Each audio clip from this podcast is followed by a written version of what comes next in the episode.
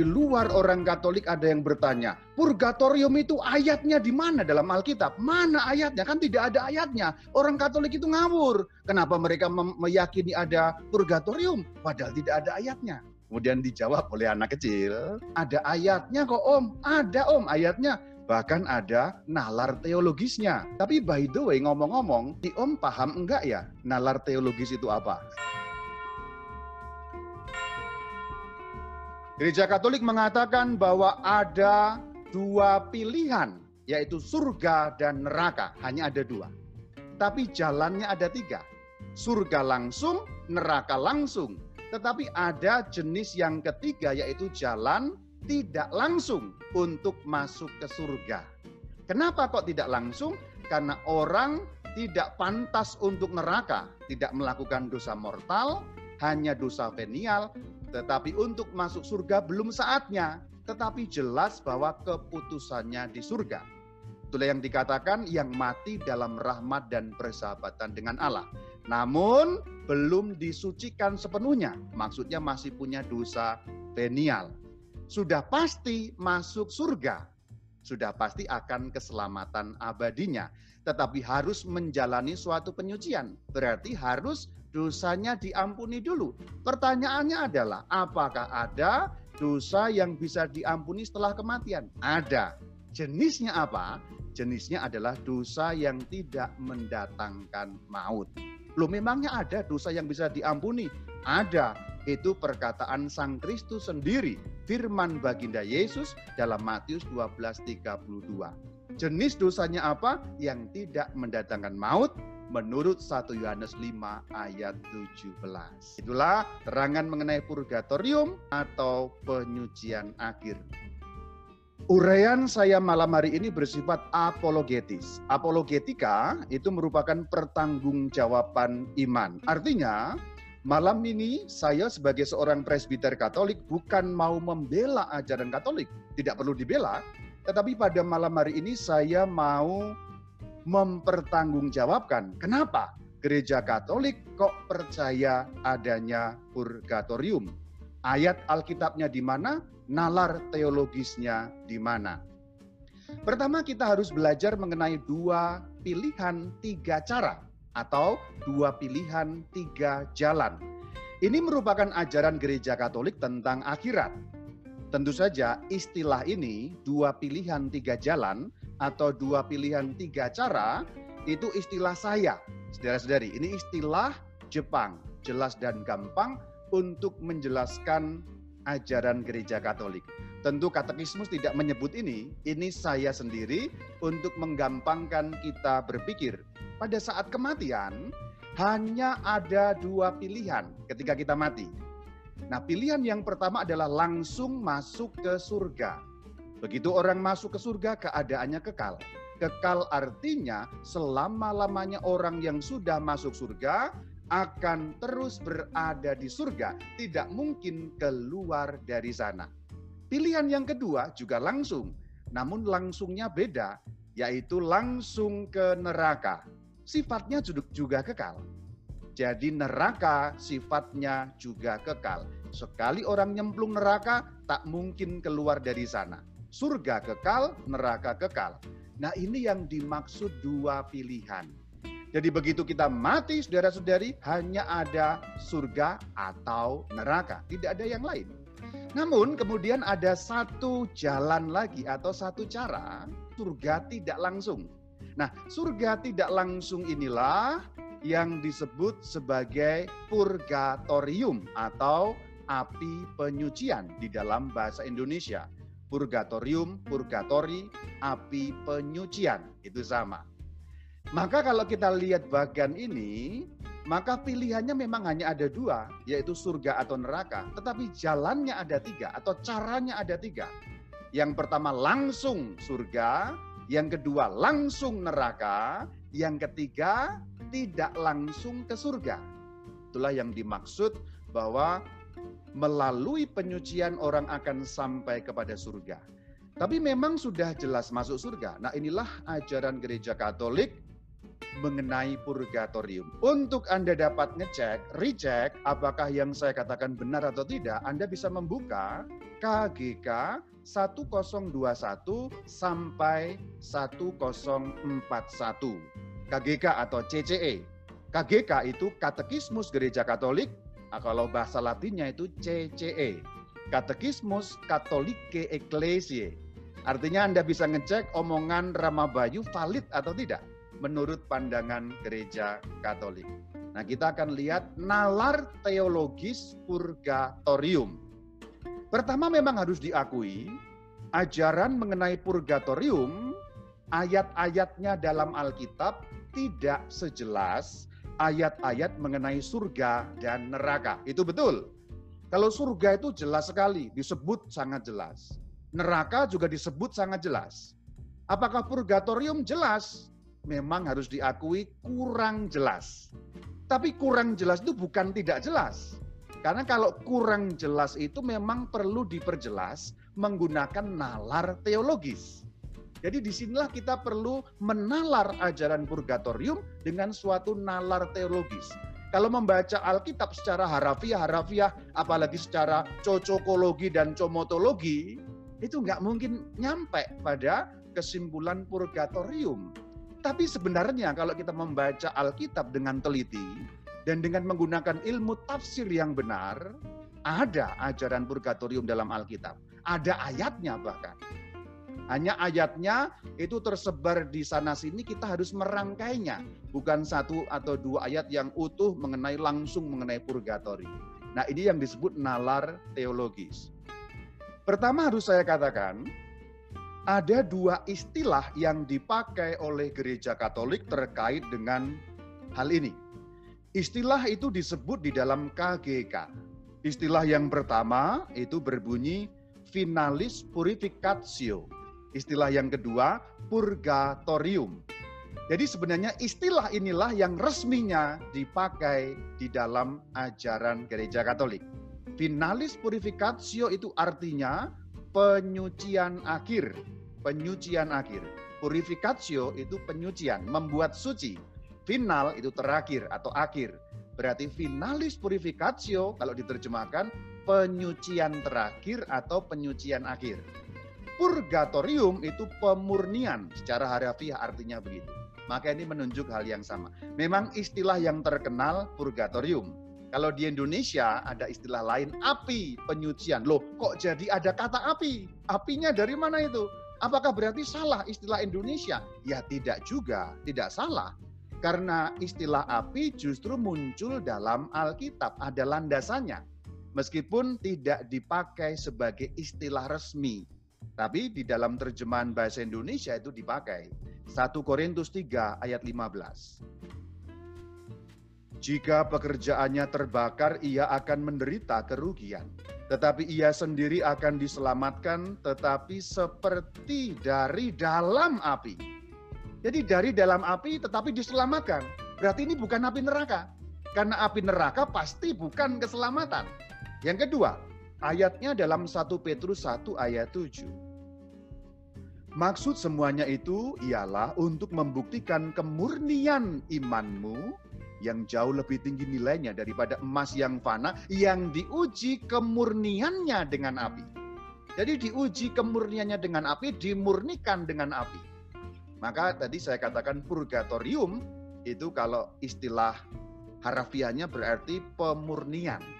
Tempat memurnikan atau pemurnian. Jadi ada dasarnya sebenarnya dengan api. Nah ini nggak terlalu jelas Romo betul memang ini belum terlalu jelas. Kita akan lihat supaya lebih jelas. Ajaran gereja di dalam KGK 1030 menyatakan seperti ini. Siapa yang mati dalam rahmat dan dalam persahabatan dengan Allah, namun belum disucikan sepenuhnya, memang sudah pasti akan keselamatan abadinya, tetapi ia masih harus menjalankan satu penyucian untuk memperoleh kekudusan yang perlu, supaya dapat masuk ke dalam kegembiraan surga. Jadi inilah artikel atau ayat di dalam KGK atau nomor di dalam KGK yang menjelaskan secara singkat dan padat mengenai purgatorium. KGK 1030. Ingat nomornya itu ya. Ini bahasa Latinnya. CCE 1030 Ili qui in gratia et amicitia Dei set imperfecte purificati meriuntur quam quam sui dan seterusnya. Tadi itu kan panjang. Kita akan penggal-penggal sedikit supaya dapat lebih memahami satu penggal satu penggal kalimat. Ini ayat yang sama dalam KGK atau artikel yang sama 1030. Hal pertama mengenai purgatori, siapa yang masuk ke purgatori? Yaitu Siapa yang mati dalam rahmat dan dalam persahabatan dengan Allah. Nah ini hal pertama. Jadi orang yang akan masuk dalam purgatori itu orang yang berada di dalam status rahmat. Nah ini istilah teologisnya berada dalam status rahmat. Maksudnya apa itu? Dalam bahasa negatif adalah orang yang pada saat mati tidak berada dalam dosa mortal. Dosa mortal sudah dijelaskan di dalam cerita mengenai surga dan neraka. Nanti ditonton saja, diklik YouTube-nya Katkit. Orang yang mati dalam rahmat dan persahabatan dengan Allah, gratia, gratia et amicit siadei, itu dalam status rahmat. Bahasa gampangnya, pada saat mati, orang tidak berdosa mortal. Tidak ada dosa mortal. Dosa mortal, dosa yang mematikan dalam bahasa gampang, dosa mortal artinya dosa yang membuat orang masuk neraka. Kalau Anda mati tanpa dosa mortal, jelas Anda masuk purgatori. Namun belum disucikan sepenuhnya. Nah, apa ini maksudnya? Kok belum suci? Tidak berdosa mortal tetapi kok belum suci? Masih punya dosa yang namanya dosa venial. Pakai V, V ya. Dosa venial Dosa venial itu apa? Dosa yang termaafkan. Saya punya istilah Jepang, dosa cincai. Gitu. Jadi kalaupun Anda mati dengan dosa itu, contohnya Anda berdosa uh, tukang ngentutin temen, nah itu bukan dosa mortal. Itu dosa venial. Itu cuma contoh, nggak mutu memang contohnya, tapi saya asal saja, tapi itu maksudnya dosa ringan-ringan, kelalaian-kelalaian kecil gitu maksudnya. Itu yang namanya dosa venial dosa cincai. Kalaupun Anda mati dalam keadaan dosa cincai itu, Anda tidak akan masuk neraka. Tetapi belum suci, karena masih ada dosa meskipun namanya dosa venial, dosa ringan. Nah ini yang dimaksud belum disucikan sepenuhnya. Kalimat selanjutnya, memang sudah pasti akan keselamatan abadinya. Apa maksudnya sudah pasti dengan keselamatan abadinya? Nah, yang dimaksud sudah pasti dengan keselamatan abadinya jelas masuk surga. Sudah diputuskan masuk surga itu maksudnya. Tetapi ia masih harus menjalankan satu penyucian. Loh, kenapa kok masih harus menjalankan penyucian? Karena tadi masih punya dosa venial belum disucikan sepenuhnya. Jadi mati tanpa dosa mortal, tapi punya dosa venial. Mati tanpa dosa besar, tapi masih punya dosa kecil. Berarti masih ada dosanya, tapi tidak layak masuk neraka. Karena dosanya kecil, bukan dosa mematikan maksudnya. Itulah kenapa harus menjalankan satu penyucian. Untuk memperoleh kekudusan yang perlu. Ini tujuannya. Untuk menjadi kudus, Kenapa? Karena pada saat Anda mati meskipun tidak terpisah dengan Allah, karena tidak melakukan dosa mortal berarti tetap bersatu dengan Allah. Namun Anda punya dosa venial. Nah, kalau Anda punya dosa venial, itu artinya masih belum kudus. Padahal Allah Maha Kudus. Yang Maha Kudus dan yang tidak kudus atau kurang kudus tidak bisa bersatu. Selanjutnya, supaya dapat masuk ke dalam kegembiraan surga. Karena surga itu ada Allah di surga, atau menyatu dengan Allah itulah surga. Maka menyatu dengan yang maha kudus ya harus benar-benar kudus. Jadi kalau Anda mau masuk surga itu ya harus benar-benar kudus. Maka dosa venial dibersihkan dulu supaya Anda benar-benar kudus. Nah itulah, itulah nalarnya saudara-saudari. Mengapa harus kudus? Ini pertanyaan. Tadi itu kan, Mbak ya sudahlah, dianggap cincai saja. Loh, Allah apakah bisa menganggap Anda cincai? Bisa. Tetapi ketika Allah menganggap Anda cincang, Anda itu masih berdosa. Dan keadaan dosa itu harus dibersihkan lebih dulu. Bukan ditutupi, tapi betul-betul dibersihkan. Meskipun itu dosa venial. Kenapa kok harus kudus? Ya karena Allah itu maha kudus. Untuk masuk surga, untuk menyatu dengan Allah yang maha kudus, Anda harus kudus. Kita harus kudus. Ada ayatnya ada. Keluaran 3 ayat 5. Lalu ia Tuhan berfirman kepada Musa, Janganlah datang dekat-dekat, tanggalkanlah kasutmu dari kakimu, sebab tempat di mana engkau berdiri itu adalah tanah yang kudus. Ini cerita penampakan Tuhan kepada Musa dalam wujud api yang menyala itu. Ketika Tuhan turun ke bumi menampakkan diri dalam wujud tertentu, api pada waktu itu, tanahnya menjadi kudus. Maka Musa nggak boleh dekat-dekat. Tanah saja menjadi kudus dan nggak boleh dekat. Apalagi ini surga, tempatnya Allah sendiri. Bahkan surga itu God Himself. Jadi betapa harus lebih kudus dan maha kudusnya kita ini. Kita harus menjadi maha kudus. Sama seperti Allah maksudnya begitu. Tidak boleh ada dosa sekecil apa pun tentu saja. Meskipun itu venial sins. Nah itulah nalarnya. Selanjutnya masih merupakan satu nalar Alkitabiah. Kita lihat kitab Wahyu 21-27. Tetapi tidak akan masuk ke dalamnya sesuatu yang najis atau orang yang melakukan kekejian atau dusta, tetapi hanya mereka yang namanya tertulis di dalam kitab kehidupan anak domba itu. Nah, inilah saudara-saudari, inilah saudara-saudari yang dimaksudkan bahwa surga itu tidak mungkin bersatu dengan sekecil apa pun dosa. Dalam bahasa yang gampang, surga atau orang yang masuk surga harus zero dosanya. Tanpa dosa mortal, tanpa dosa venial. Ketika Anda mati tanpa dosa mortal, putusannya masuk surga, tapi masih punya dosa venial. Hapus dulu di purgatori sehingga dapat masuk. Namun kalau di dunia ini Anda terlanjur melakukan dosa mortal, supaya hilang bagaimana? Pengakuan dosa atau sakramen tobat. Itulah cara yang dipakai Tuhan supaya Anda dapat memperoleh kembali kehidupan. Jadi kalau di dunia ini Anda melakukan dosa mortal itu bukan titik akhir. Sebelum Anda mati itu belum titik akhir.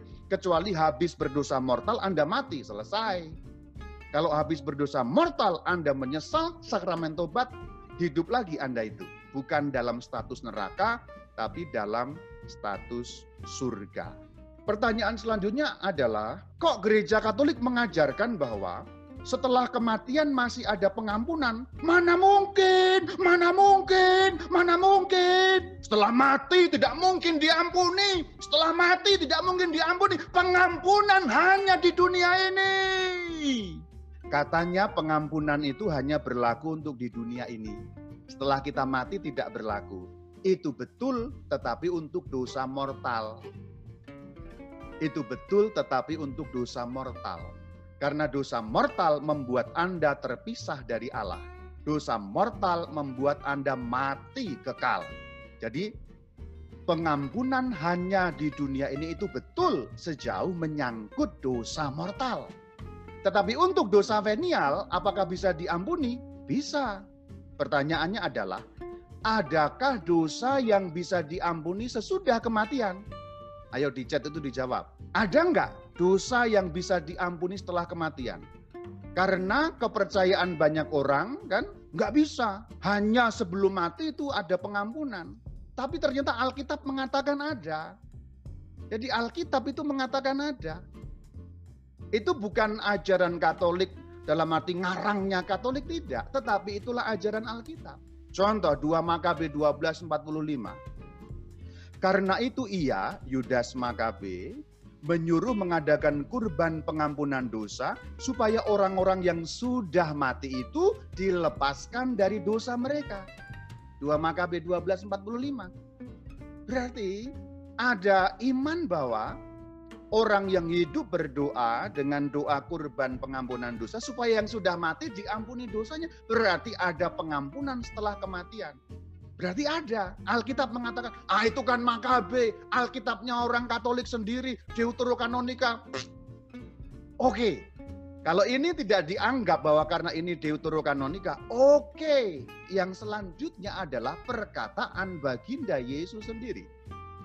Matius 12 ayat 32. Oke, kalau yang Makabe tadi dianggap lemah, ah, itu kan perjanjian lama. Sudahlah, oke lah. Oke lah, oke lah. Sekarang Matius 12 ayat 32. Ini pernyataan Sang Kristus, junjungan kita, baginda kita. Yesus berkata, apabila seorang mengucapkan sesuatu menentang anak manusia, ia akan diampuni. Tetapi jika ia menentang roh kudus, ia tidak akan diampuni di dunia ini tidak, dan di dunia yang akan datang pun tidak. Perhatikan, di dunia ini pun tidak. Artinya berarti di dunia sekarang ini tidak diampuni. Dunia ini itu sekarang. Di dunia yang akan datang berarti akhirat setelah kematian. Berarti menurut Matius 12:32 Sang Kristus secara langsung mengajarkan bahwa ada pengampunan yang berlaku untuk dunia ini, ada pengampunan yang juga berlaku untuk dunia yang akan datang, yaitu akhirat setelah kematian. Berarti Sang Kristus jelas mengatakan bahwa setelah kematian ada dosa yang dapat diampuni. Pertanyaan selanjutnya adalah jenis dosa yang mana? Nah itu. Kan ini baru sekarang kan jawabannya baru ada, ada dosa yang dapat diampuni. Apakah semua dosa? Tidak. Gereja Katolik mengatakan hanya venial sins tadi itu atau dosa venial tadi. Pertanyaan selanjutnya adalah jenis dosa yang mana? Atau dosa jenis apakah yang bisa diampuni setelah kematian? Dan ini kan ini kan nalar teologisnya. Saya ulang dari depan tadi itu ya. Orang berdosa. Setelah kematian, apakah masih bisa diampuni dosanya? Atau pertanyaannya lebih fokus, adakah dosa yang dapat diampuni setelah kematian? Ada jawabannya. Ayatnya 2 Makabe 12 ayat 45. Kalau itu dianggap kurang kuat, Matius 12:32 Sang Kristus sendiri katakan. Ada pengampunan untuk yang akan datang. Pertanyaan selanjutnya, dosa yang mana atau jenis manakah dari dosa yang dapat diampuni setelah kematian? Jawabannya adalah dosa yang tidak mendatangkan maut. Mendatangkan maut itu di dalam istilah gereja Katolik disebut dosa mortal. Itulah kenapa disebut mortal. Mortal karena dari kata mors. Bahasa Latin mors itu artinya mati. Jadi dosa mortal dosa yang membuat mors, dosa yang mendatangkan maut. Bahasa gampangnya, dosa yang membuat Anda langsung neraka. Itu karangan gereja Katolik ya Romo ya. Dosa mortal, dosa venial, tidak. Ada ayatnya saudara. Jadi ketika gereja Katolik mengad, uh, menyatakan itu, itu ada ayatnya. Maka kalau ada yang bertanya, ayatnya tentang dosa venial itu di mana Romo? Itu jangan-jangan gereja Katolik ngarang. Istilahnya memang dibuat. Istilahnya dibuat tapi ayat landasannya ada. Kan memang teologi itu harus membuat istilah ketika tidak ada istilahnya. Tadi gereja Katolik membuat istilah mortal sin. Itu sudah jelas. Dosa yang mendatangkan maut. Kalau venial sins atau dosa venial dari kata venia cincai tadi dimaafkan atau bahasa negatifnya dosa tidak mendatangkan maut ayatnya di 1 Yohanes 5 ayat 17. Jadi ini tidak ngarang gereja Katolik tetapi gereja Katolik memiliki landasan yang sangat kuat. Semua kejahatan adalah dosa. Tetapi ada dosa yang tidak mendatangkan maut. Tuh lihat. Semua kejahatan itu dosa, tetapi dosa itu bobotnya berbeda.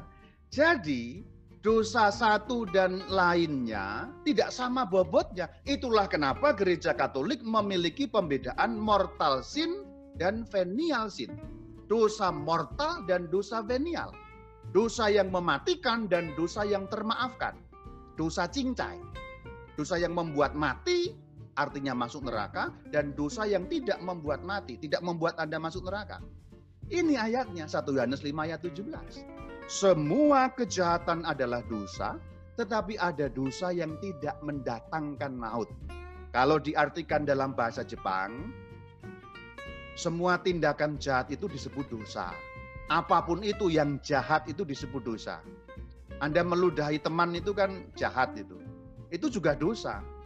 Tetapi ada dosa yang tidak mendatangkan maut, kalau diterjemahkan bahasa Jepang, semua tindakan jahat itu disebut dosa. Tetapi ada dosa yang tidak membuat Anda masuk neraka. Anda jahil kepada teman, pakai karet, dijepret, kemudian kena kupingnya menjadi merah, itu jahat apa enggak jahat itu? Dosa enggak dosa. Tapi apakah seperti itu membuat Anda masuk neraka? Tidak. Ini contoh sekilas yang simpel-simpel. Pembunuhan itu dosa enggak? Dosa. Itu mendatangkan maut enggak? Mendatangkan maut, dosa mortal. Mortal membuat Anda terpental ke neraka. Jadi ini nalar teologisnya panjang. Maka pertanyaan mana ayatnya ya? Ya nggak begitu, ini nalar, nalar teologis. Ayatnya di sana sini dibaca berbarengan, kemudian dinalar dengan penalaran teologis lalu ketemu oh ternyata seperti itu. Barulah kemudian kita bisa menyimpulkan eh, dalam KGK 1031 gereja menamakan penyucian akhir para terpilih yang sangat berbeda dengan siksa para terkutuk purgatorium api penyucian. Jadi menurut KGK 1031, purgatorium sangat berbeda dengan siksa para terkutuk. Siksa para terkutuk itu maksudnya neraka. Jelas sekali. Ajaran Katolik jelas sekali mengatakan purgatorium berbeda sangat, malah ada kata sangat. Jadi kalau ada yang tanya, itu penderitaannya sama dengan neraka berbeda.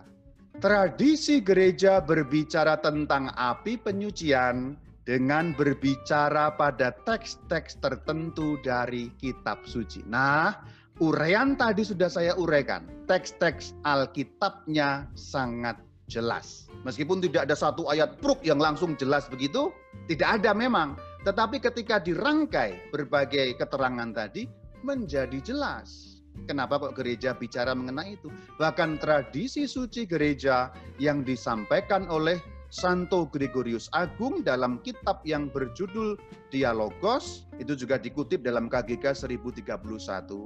Gregorius Agung hidup abad ke-7. Berarti ini sebelum skisma, sebelum ada perpecahan gereja yang besar, skisma besar timur dan barat. Ini sudah mengatakan seperti ini. Ini bagus sekali perkataan tradisi suci yang disampaikan Santo Gregorius Agung tampaknya dapat menjadi suatu ringkasan untuk memahami purgatorium itu seperti apa. Bunyinya begini, kita harus percaya bahwa sebelum pengadilan masih ada api penyucian untuk dosa-dosa ringan tertentu. Karena kebenaran abadi mengatakan bahwa kalau seseorang menentang Roh Kudus, ia tidak akan diampuni di dunia ini tidak dan di dunia yang akan datang pun tidak. Kutipan Matius 12 ayat 32. Selanjutnya, dari ungkapan ini nyatalah bahwa beberapa dosa dapat diampuni di dunia ini, yang lain di dunia lain. Yang dimaksud di dunia lain, dunia akhirat setelah kematian. Ini disampaikan dalam tradisi suci oleh Santo Gregorius Agung pada abad ke-7. Tentu ini juga bukan muncul begitu saja. Ini nyambung sampai pada zaman gereja-gereja awal tentu saja. Hanya memang ajaran mengenai purgatorium baru diresmikan secara formal pada konsili Firenze dan kemudian konsili Trento 1540 tahunnya. Tetapi itu hanyalah penegasan formal saja bukan berarti ajaran baru, sudah diyakini dari zaman kuno, tetapi memang baru didefinisikan. Itu mirip ceritanya dengan iman mengenai Bunda Maria diangkat ke surga, baru formal 1950. Tapi bukan berarti baru, sudah dari zaman kuno. Ringkasan, Gereja Katolik mengatakan bahwa ada dua pilihan, yaitu surga dan neraka. Hanya ada dua tapi jalannya ada tiga. Surga langsung, neraka langsung. Tetapi ada jenis yang ketiga yaitu jalan tidak langsung untuk masuk ke surga. Kenapa kok tidak langsung? Karena orang tidak pantas untuk neraka, tidak melakukan dosa mortal, hanya dosa venial, tetapi untuk masuk surga belum saatnya, tetapi jelas bahwa keputusannya di surga. Itulah yang dikatakan yang mati dalam rahmat dan persahabatan dengan Allah. Namun belum disucikan sepenuhnya, maksudnya masih punya dosa venial. Sudah pasti masuk surga, sudah pasti akan keselamatan abadinya. Tetapi harus menjalani suatu penyucian. Berarti harus dosanya diampuni dulu. Pertanyaannya adalah, apakah ada dosa yang bisa diampuni setelah kematian? Ada. Jenisnya apa? Jenisnya adalah dosa yang tidak mendatangkan maut. Loh memangnya ada dosa yang bisa diampuni? Ada. Itu perkataan Sang Kristus sendiri firman baginda Yesus dalam Matius 12:32. Jenis dosanya apa? Yang tidak mendatangkan maut menurut 1 Yohanes 5 ayat 17.